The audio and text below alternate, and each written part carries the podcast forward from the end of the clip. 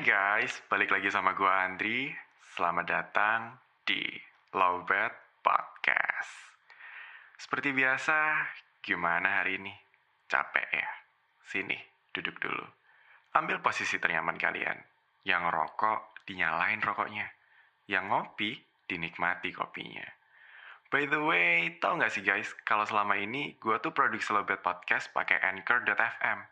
Karena asli, menurut gue gampang banget bikin atau rekaman podcast pakai Anchor.fm ini. Udah gratis, lengkap lagi.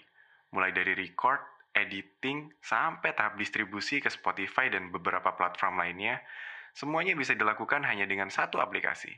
Buruan deh, download Anchor.fm di Play Store atau App Store dan mulai podcast kalian sendiri. Oh iya, jangan lupa untuk follow, nyalain lonceng notifikasi, dan bantu kasih bintang ya. Atau sekarang kalian udah mulai bisa nyoret-nyoret kolom komentar yang ada di Noise loh. Nantinya komen dari kalian bakal gue bacain di episode terbaru Lobet Podcast.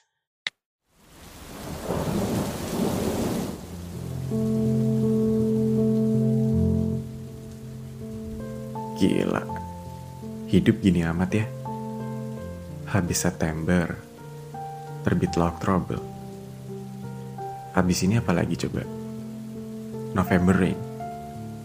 Terus masih lanjut lagi jadi Desember berantakan gitu.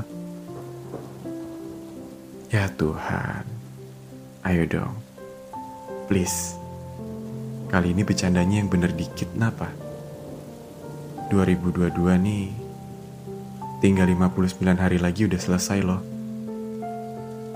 Minta tolong dong, di hari-hari terakhir tahun ini, kalau bercanda yang bener dikit ya. Kini rasanya aku tak lagi memiliki cukup energi bila harus kau hancurkan lagi Tuhan. Karena entah mengapa, rasanya tahun ini memang adalah tahun yang paling berat menurutku. Masalah ekonomi, karir, sosial, dan bahkan percintaan tak habis-habisnya datang bergantian di setiap bulan. Ingin rasanya. Aku berteriak dan mengakhiri hidup ini. Tapi apalah dayaku Tuhan. Aku hanya seorang umat yang tak bisa melawan kehendakmu. Jujur, aku menyerah Tuhan. Sungguh lelah rasanya harus melalui hari-hari dengan masalah yang tak ada habisnya. Bahkan kini, aku tak tahu lagi apa yang sebenarnya ku cari dan ku kejar di dunia ini. Mencari kebahagiaan. Semua cara sudah ku coba untuk mencari dan menciptakan bahagia. Nyatanya apa? Bukannya bahagia, malah hancur lebur.